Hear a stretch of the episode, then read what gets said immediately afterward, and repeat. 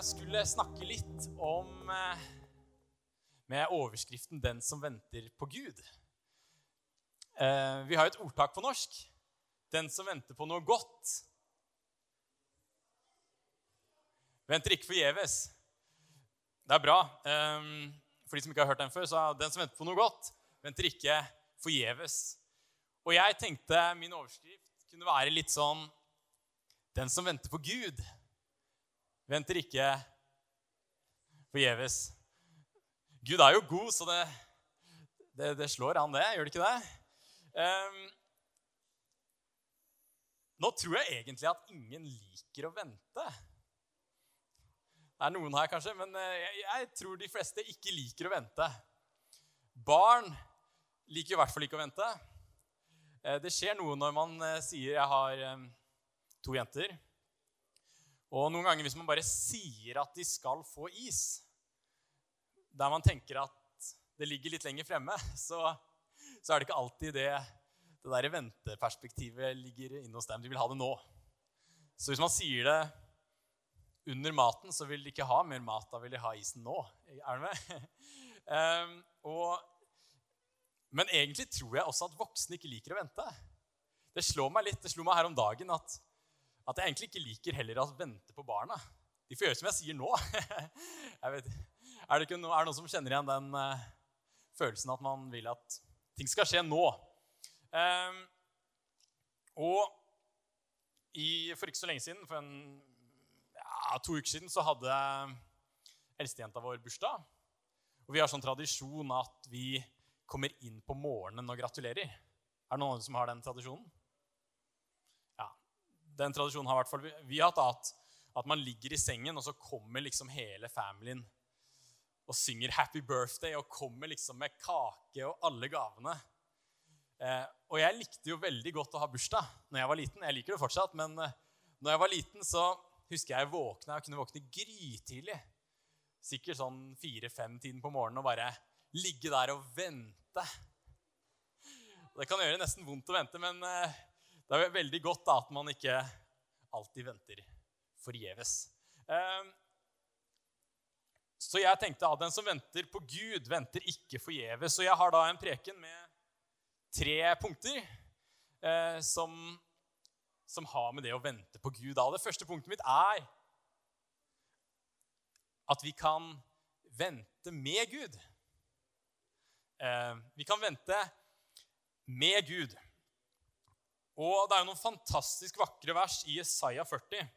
Noen av de flotteste versene i hele Bibelen, syns nå jeg. Og det syns kanskje du også. Jeg vet ikke. Men i Jesaja kapittel 40 eh, Det er jo egentlig um, Dette er jo Dette er jo ord i profetiske ord til eksiltiden. Er du med? Når eh, jødene var eh, borte fra sitt hjemland i Babylon. Eh, de er jo sagt mye før, men de er jo åpenbart rettet til et folk i eksil som lengter tilbake til Jerusalem. Men det er en annen sak. det er ikke det jeg vil snakke om. Men, men i Isaiah 40 så finner vi disse flotte ordene helt på slutten her, i vers 30 og 31. Så i Isaiah 40, vers 30, så står det som følger Gutter blir trette og slitne. Unge menn snubler og faller. Men de som venter på Herren, får ny kraft. De løfter vingene som ørnen. De løper og blir ikke slitne. De går og blir ikke trette. Er ikke det flotte vers? Flotte ord? Gutter blir trette og slitne, unge menn snubler og faller. Vi ser jo nå Kanskje du ser på NM i friidrett, og du ser hvordan Karsten Warholm løper inn på 400 meter hekk og 400 meter eh. Han er en ung, sprek fyr. Han blir jo sliten helt på slutten. Eh, men de som venter på Herren, de får ny kraft.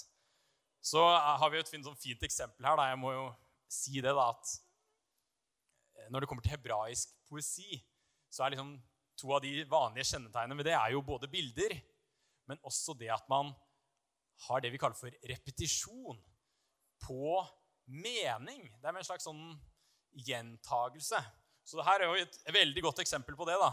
hvis, som du åpenbart legger merke til, at de løfter vingene som ørn. De løper og blir ikke slitne. De går og blir ikke trette. Man sier det samme to ganger på litt forskjellig måte. Eh, så Det er bare for å understreke dette poenget. Det er det som skjer med de som venter på Herren. De får ny kraft. Og det minner jo om det Jesus sa, at 'Kom til meg, alle dere som strever og bærer tunge byrder', og så kan dere finne hvile hos meg. Jesus sa det. Eh, så, og vi finner flere steder i Bibelen om det her med å vente på Gud. Men også Jesus kommer med en oppfordring til sine disipler om å vente. Eh, og det finner vi i apostlenes gjerning i kapittel 1. Eh, og det er jo i forkant av pinsedag, men det er etter Jesu oppstandelse. Eh, og da sier han ikke sant, han har akkurat stått opp fra de døde, han har vist seg for disiplene. Og så leser vi apostlenes gjerning i kapittel 1, vers 4 at en gang han spiste sammen med disiplene, påla han dem dette. Dere skal ikke forlate Jerusalem, men vente på det som far har lovet, det som dere har hørt av meg. For Johannes døpte med vann, men dere skal om noen få dager bli døpt med Den hellige ånd. Og Så sier han litt videre at dere skal få kraft når Den hellige ånd kommer over dere og dere skal være mine vitner fra Jerusalem og utover til jordens ende. Og så står det da om disiplene etterpå, når Jesus da rykker opp til himmelen, at de kom sammen. Det står i vers 14 i samme kapittel, Apostelens gjerning 1,14, at alle disse her, disiplene og flere kvinner og andre som hadde fulgt Jesus, de holdt trofast sammen i bønn. Og det var under den perioden der, i disse ti dagene der de holder sammen og venter på det far har lovet, så kommer da ånden på pinsedag, og de blir utrustet med kraft fra det høye. Kraft til å evangelisere, kraft til å ta evangeliet ut. Um, og det er jo litt sånn som eh, det sto der i Jesaja 40. De som venter på Herren, får ny kraft. Så hvis du trenger kraft til tjeneste, kraft til der du står i din hverdag, så kan det være bra å vente på Herren og bli fylt med kraft, fylt med Den hellige ånd. Og det var jo noe som TB Barrat, som vi ofte kaller for eh, pinsevekkelsens apostel, opplevde for litt over 100 år siden. Han var en metodistpastor eh, her i Oslo. Og han hadde dratt helt til Amerika. Det var i 1906 for å samle inn penger til Kristiania bymisjon. Oslo het jo før Kristiania, så Kristiania bymisjon. Da skulle hun samle inn penger til misjonsvirksomheten. Men eh, det mislyktes. da Han klarte ikke å samle inn penger.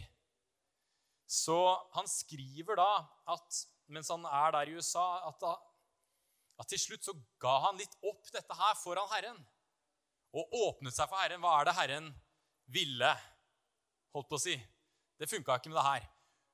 Og så har jo akkurat i disse dagene skjedd denne pinsevekkelsen i Asusa Street i Los Angeles, der folk har blitt døpt med Den hellige ånd, fylt med Den hellige ånd, taler i tunger, opplever Guds kraft, eh, nådegaver i bruk osv. Eh, han har hørt om dette her, men han er jo på andre siden. Han er, på, han er ikke på um, hva skal vi si, han er, ikke, han er på østkysten, ikke på vestkysten. Han er langt unna. Men da er han der i bønn og venter på Gud. Og så opplever han denne pinsekraften som vi leser om i Akta 1, mens han venter på Gud. Og det kommer i to omganger for TV Barat. Det kommer først 7. oktober. Men han skjønner at det er mer. Så får han en ny erfaring den 15. Eh, november, der han blir fylt med Den hellige ånd.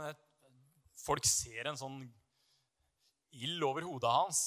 Og han kommer tilbake som en ny, som en ny mann til eh, Norge, til Oslo. Og fra Oslo så sprer da pinsevekkelsen seg til hele Nord-Europa.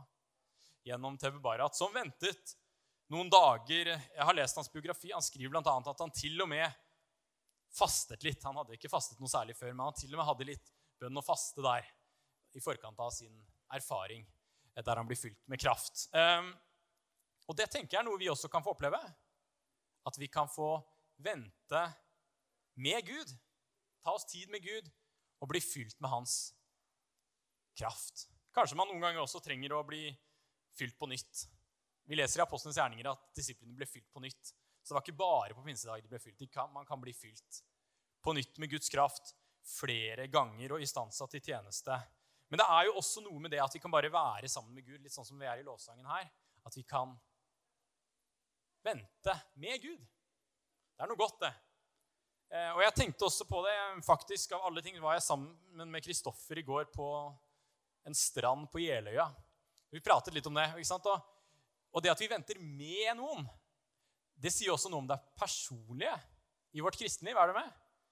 Ehm, vi følger ikke først og fremst et program. Vi følger en person. Så vi må være sammen med han i, i vår hverdag. Um,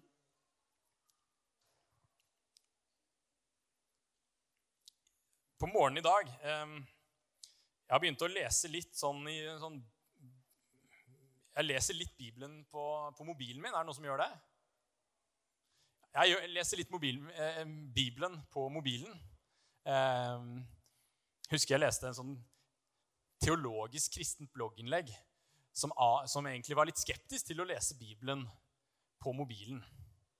Og det fikk meg egentlig til å lese Bibelen på mobilen. Jeg tenkte det her det kan ikke stemme. Man kan ikke gjøre det så vanskelig. Det er jo bedre at folk leser i Bibelen på mobilen enn at de ikke leser Bibelen i det hele tatt. Og man er så mye på mobilen uansett, så man kan jo like gjerne lese litt på mobilen. da, tenkte jeg. Så det trigget meg litt da, til å lese litt sånn bibelleseplan på mobilen. Da. Jeg tror jeg leser mer pga. det. Altså. Så det, det, var et lite, lite tips. Så i dag, av alle ting, så kom jeg over Salme 42, som er en klagesalme.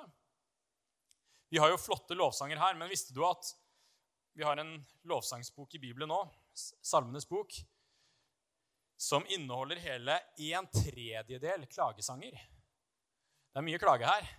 Men ofte har de litt håp på slutten. Men ikke alltid, men eh, ofte har de det. Eh, og det jeg leste i dag, det var som følger i Salme 42, vers 12.: Hvorfor er du tynget av sorg, min sjel? Hvorfor er du urolig? Jeg vil vente på Gud. Enda en gang skal jeg prise ham, min frelser og min Gud. Er ikke det flotte ord? Så hvis man føler seg urolig, hvis du er tynget av sorg, hvis du er kraftløs, ja, du kan vente på Gud. Du kan få anledning til å prise ham.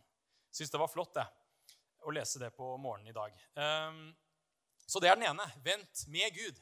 Vent på Gud ved å vente sammen med ham. Ta deg tid med ham. Punkt én. Så kommer vi til punkt to. Punkt to Vent ja, første punktet var 'vent med Gud'. Det andre punktet er 'vent på Gud'. Innforstått og det han kan gjøre. Um, veldig flott salme som jeg syns har tenkt i veldig mange år, er salme 37. Veldig flott salme. Er det noen som liker den salmen? Som har lest den? Uh, hvis du har lest den, Kanskje du har lest den, men ikke husker hva som står der. Men det er en veldig veldig flott salme. Det er en sånn alfabetisk salme da, der hvert avsnitt begynner med en ny bokstav i det hebraiske alfabetet, som de veldig fint markerer da, i Bibelen. 2011. Men der står det et par oppfordringer om å vente på Gud. Blant annet i vers 7 står det på denne måten. Vær stille for Herren, og vent på ham. Bli ikke sint på den som lykkes med sin vei, den som setter i verk onde planer. Kunne jo fokusere ekstra på vers, eller første del her. Vær stille for Herren, og vent på ham. Men vi ser det samme da i vers 34, sagt på en litt annen måte. Vent på Herren, og hold deg til hans vei. Han løfter deg opp så du arver landet. Du får se de lovløse blir utryddet.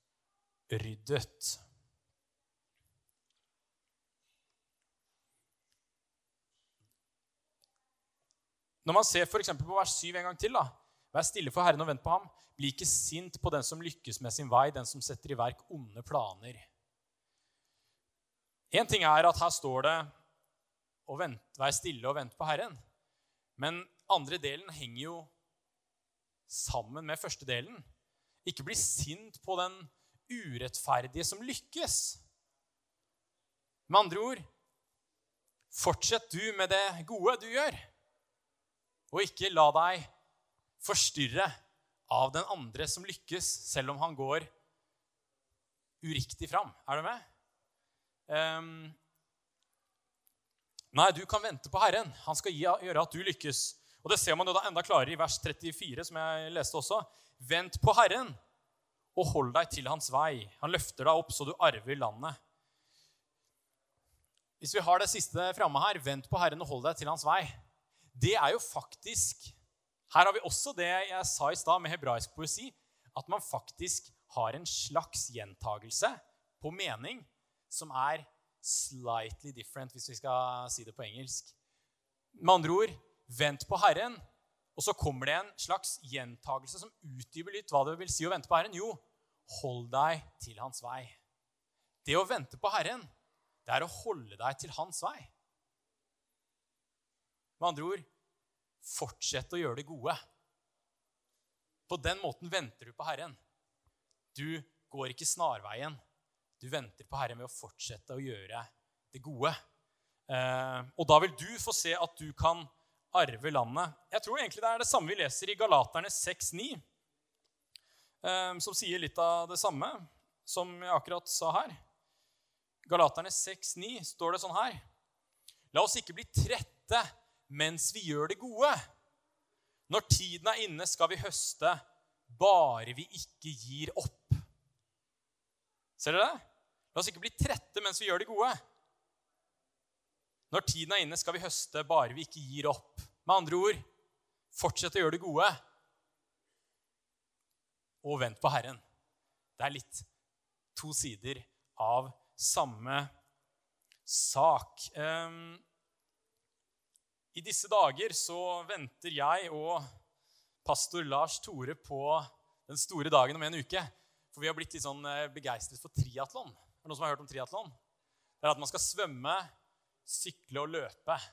Så vi venter på en litt sånn hard, hard økt om en, en, uke. Da skal vi gjennomføre 1,5 km svømming, 4, nei, 40 km sykling og 10 km løping. Så det blir en, en flott dag. Men det fins noe enda voldsommere enn det. Og det er noe som skjedde i går, hvis du fikk det med deg. For i går, går så var det Norseman Extreme Triathlon. Og hva er Norseman Extreme Triathlon for, triathlon for noe? Jo, det er ekstremvarianten av triatlon. Og den har skjedd i Norge i går, der de da starter med å svømme ca. 4 km i Eidfjord, innerst inne i Hardangerfjorden. Så sykler de 18 mil over Hardangervidda. Og så avslutter de med å løpe maraton som ender opp på Gaustatoppen. Så det, det er da eh, Og jeg tror at vinneren kan ha tenkt på dette verset her. La oss ikke bli trette av å gjøre de gode. Til slutt så vil han få liksom belønningen. Og eh, jeg kikket litt på det, faktisk. Eh, og det var jo interessant å se at han som vant, Tungesvik het han, han slo den tredoble mesteren, Allan Hovda, ett minutt før toppen. For Allan Hovda lå litt foran han, men var, var mye stivere. Så han, ingen klarer å løpe opp de siste skrittene der. Men han trampet i litt raskere tempo og kom først til toppen. Så det var jo på ti timer. Eller ni timer og 59 minutter. Ja, så men, men fascinasjonen for den sporten her, jeg tror det er noe overførbart når det kommer til det her å vente på Gud og gjøre det gode.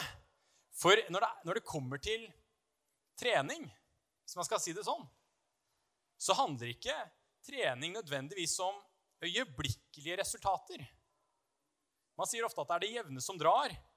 Dessuten så kan du ikke F.eks. hvis du løper, da, du kan ikke bare løpe raskt for å bli raskere. Det er ikke sånn at hvis du spurter hver gang du løper, at du nødvendigvis blir raskere på et, et, et lang, en lang triatlon, for å si det sånn. Nei, du må løpe. Du må, du må, noen ganger så må du være tålmodig og løpe sakte, sånn at du blir god på å løpe langt. At du klarer å stå hele distansen. Med andre ord, du trenger tålmodighet. Og det samme er jo med selve løpet. da. Vårt liv er jo et slags løp, et slags triatlonløp. Du kan jo, du må jo være tålmodig i det løpet du løper også. Men at du ikke gir alle kreftene på svømmingen, og så har du ingen ork til å sykle, eller ikke noe ork til å løpe etterpå. Er du med? Så jeg tenkte på det å være tålmodig er jo en dyd. Det er noe fantastisk med det. Vi må, Når det kommer til det å vente på Herren, så må vi tåle å være modige. Vi må på en måte Vi får det ikke her og nå med en gang. Er du med? Vi må legge vind på troskap. Eh, og så kan vi få se at Gud griper inn. Eh, jeg syns kong David er et godt eksempel som jeg har lyst til å løfte fram i 2. Samuel 5. La oss slå opp i det. 2. Samuel kapittel 5, vers 17.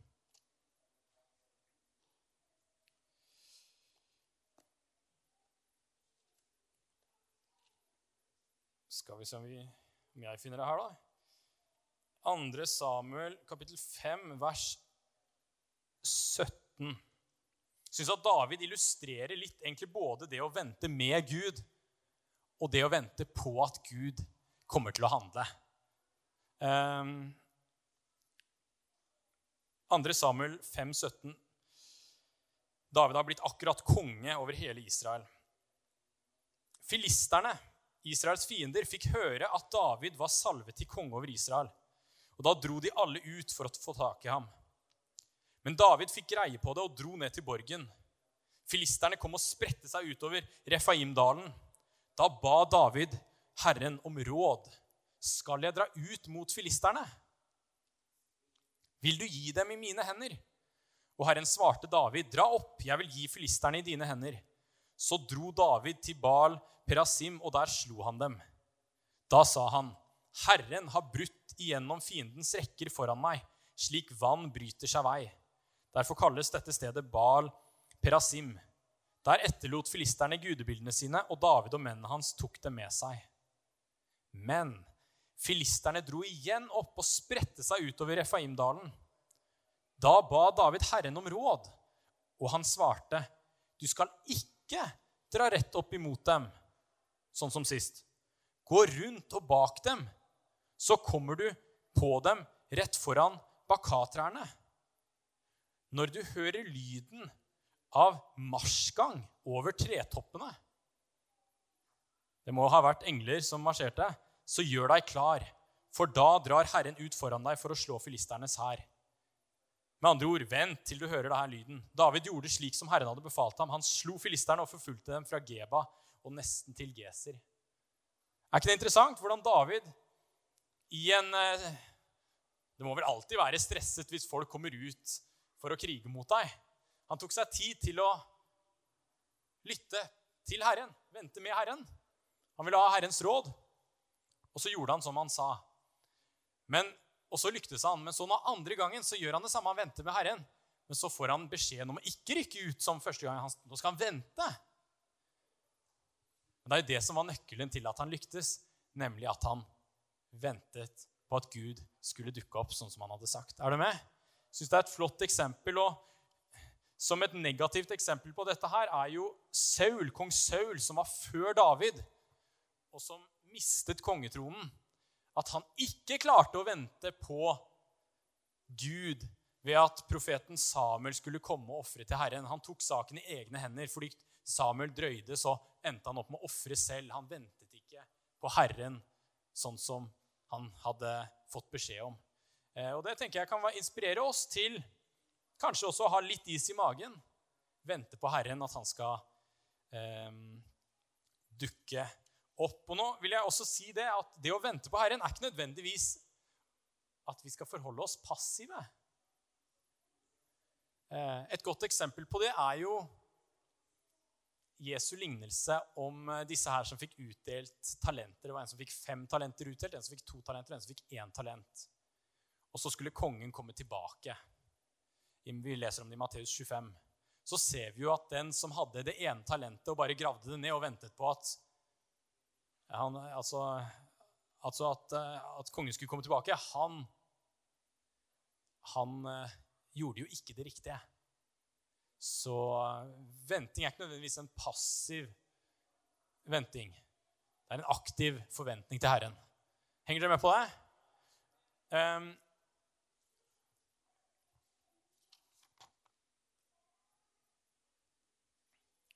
Kanskje dette her med å fortsette å gjøre det gode og på den måten vente på Herren, kan være en liten utfordring i vår tid, særlig med sosiale medier, der vi liksom skal poste hva du har gjort, og hva du fikk ut av det nå. Er du med? Eh, men tålmodighet, det å våge å, å, vente, det tror jeg vi eh, trenger. Og jeg nevnte jo akkurat det her med trening. ikke sant? At eh, egentlig for å også bli sterkere, så er det ikke nok å bare trene. En må også hvile. Restitusjon er en del av pakken. Og det er jo interessant nok da, at det er ved at du etter å ha trent tør å ta litt fri og ikke trene, at da kommer det som kalles for superkompensasjon. Noen dager senere nemlig at du blir litt sterkere enn det du var før du kjørte deg i senk med treningsøkten. Og ved å ikke vente til du får den, så får du ikke fremgang. Så derfor Hvis du pusher deg selv hver dag, så får du ikke framgangen som hvis du venter litt. Det er interessant, er det ikke det? Og jeg tenkte om vi, eller du, er utkjørt Du har kjørt deg selv, du har holdt på mye. Ta Vent litt med Herren. Vent på Herren, så kommer superkompensasjonen, så kommer denne kraften som drar deg oppover. Amen, sier vi til det. Husker eh, på en sånn Guds mann her for noen år siden, så var Jostein Krogedal her, og så sa han et sånn godt spørsmål som jeg tenkte litt på. Som han stilte oss, da. Som han selv vel tydeligvis tenkte litt på. Det var Hva har Gud sagt til deg? Hva har Gud sagt til deg, sa han. Eh, og jeg tror kanskje det er noe vi kan holde fast ved når vi venter på Herren og fortsetter å gjøre det gode. Hva har Gud sagt til deg? Fortsett å gjøre det mens du venter. Ikke bli trett. Um, og så er det jo sånn at du kanskje tenker 'Jeg vet ikke'. Du har kanskje ikke en sånn sterk formening om at 'dette har Gud sagt til meg at jeg skal gjøre'. Men det er helt greit. For Gud har jo sagt masse til oss gjennom sitt ord. Har han ikke det? Så det er, jeg tror ikke at du må ha en sånn superklar formening om at dette er Guds plan og vilje med mitt liv. At du, at du må ha det så tydelig og formulert. Jeg tror det kan bli, Vi kan gjøre folk en, en uh, Altså, vi kan gjøre folk uh, det, kan, det kan bli uheldig å fokusere for mye på det. Gud har sagt allerede masse til deg. Og det er noen interessante ord i Jakob 1,27 som jeg syns passer i den sammenhengen. Der Jakob skriver dette her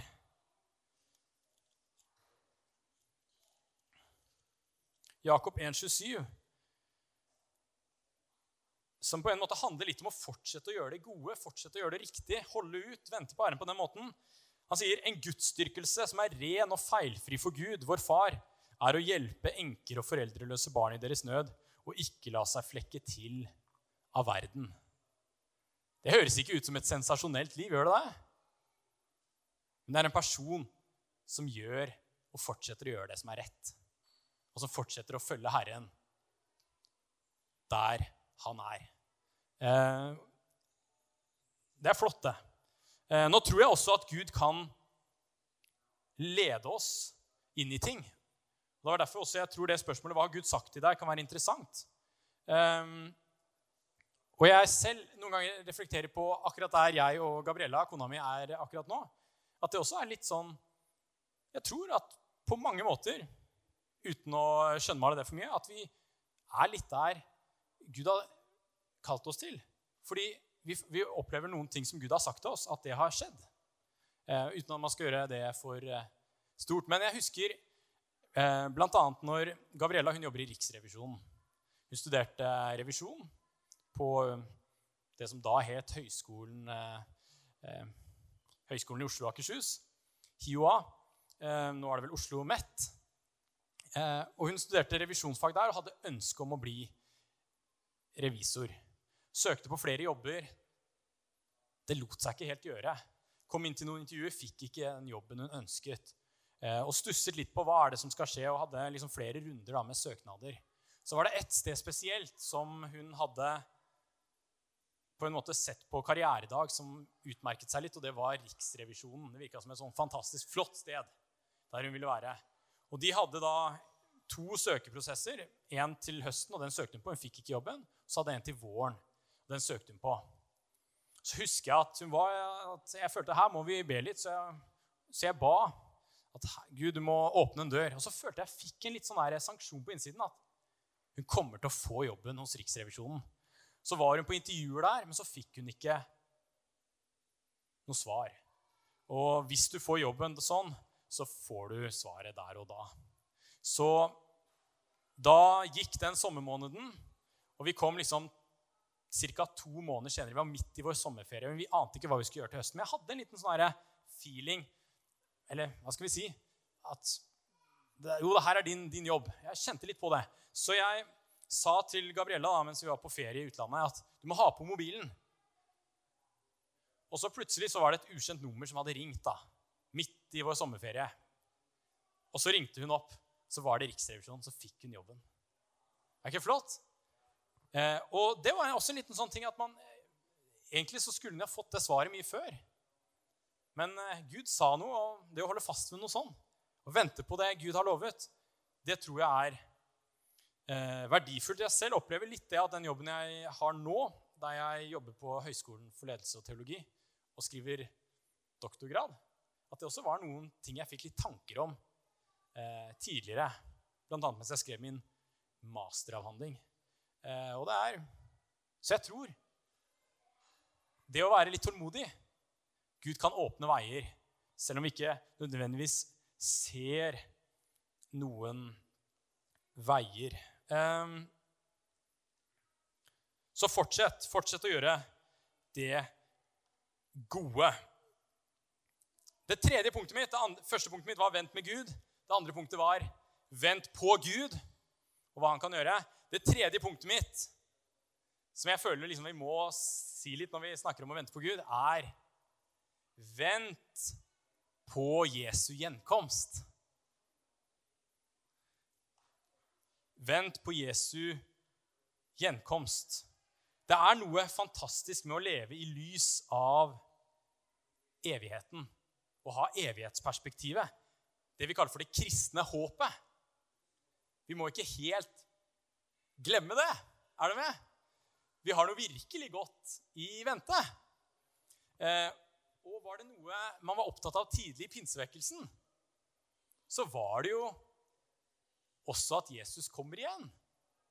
Eh, jeg vet ikke om du har hørt uttrykket 'the full gospel' eller 'det firfoldige evangeliet' noen gang. Noen som har hørt det uttrykket? 'The full gospel'? Firfoldige evangeliet. Det er et uttrykk som så å si ingen bruker i dag. Så om du ikke har hørt om det, så er jo det helt naturlig. Men det var et uttrykk man brukte veldig mye for 100 år siden, tidlig i pinsevekkelsen. Da snakket man om the full gospel, det firfoldige evangeliet. Og hva er det? Jo, det er evangeliet. Det er Jesus som frelser. Jesus som helbreder. Jesus som åndsdøper, en som utruster med kraft og Jesus som kongen som kommer igjen. Er ikke det flott? Det var det man kalte for the, the full gospel. Og det tenker jeg også vi bør ha med, ha med oss vår, eh, si, vår, eh, mens vi holder på her på jorden. At vi har et evighetsperspektiv. Vi venter Herrens gjenkomst. Um, en som i hvert fall hadde det perspektivet i sin liv og tjeneste, var apostelen Paulus. Tenkte vi må lese andre kor 4, 16-18, som noen vers som løfter opp til andre korinterne 4, 16-18.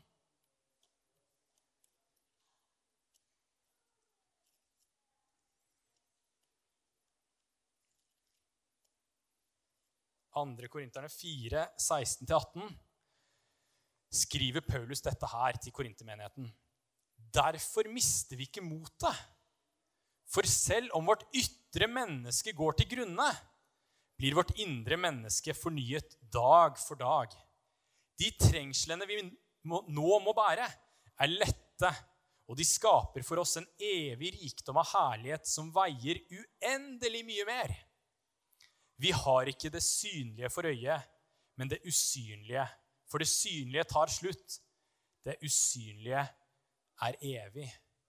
Enda større enn holdt på å si, drømmejobben eh, vi ventet på hos Gabriella, er jo drømmestedet himmelen som, som Gud gjør klart for oss. Er du med? Så er, vi har et fantastisk evighetshåp. Og det også inngår jo det i at vi venter på Herren. Så la oss vente med Gud. La oss vente på Gud og det han kan gjøre. La oss vente på Herrens komme. Med andre ord, la oss vente med forventning. Og Det er egentlig det som er mitt, eh, mitt, eh, mitt budskap i dag. Så tenkte jeg vi skulle ta helt på slutten her og lovsynge litt. Og gjerne synge den sangen 'Strength will rise as we wait upon the Lord'. Og Så kan du få lov å reise deg, og så kan du få lov der du står, og La oss si vente med Gud, vente på hans kraft. Og forhåpentligvis få litt mer forventning om hva Gud kan gjøre i ditt liv. Neste uken, det neste året, høsten Kanskje Gud vil dukke opp denne høsten og gjøre ting dette året som du er urolig for, men han kommer til å gjøre det. Um, vi kan få reise oss. La oss ta og be en bønn, og så kan vi lovsynge sammen. Jesus, jeg takker deg at du er her. Og når du er her, kan vi ha forventning til deg, Jesus. Og takk, Jesus, at vi kan få lov til å være her og være i ditt nærvær. Vi kan vente med deg, Gud, men vi kan også vente på deg. Og vi kan ha det usynlige for øyet, både evighetsperspektivet, men også forventning til deg, Gud, og hva du kan gjøre midt i våre liv, midt iblant oss, midt i det neste året. Jeg ber, Herre, for alle som er her, alle som har nye ting som står foran dem, jeg ber, Gud, La deres inngang til det nye være velsignet. Fyll dem med håp, fyll dem med styrke, fyll dem med tro. Takk, Jesus, at du er her. Takk, Jesus, for din godhet. I Jesu navn. Amen.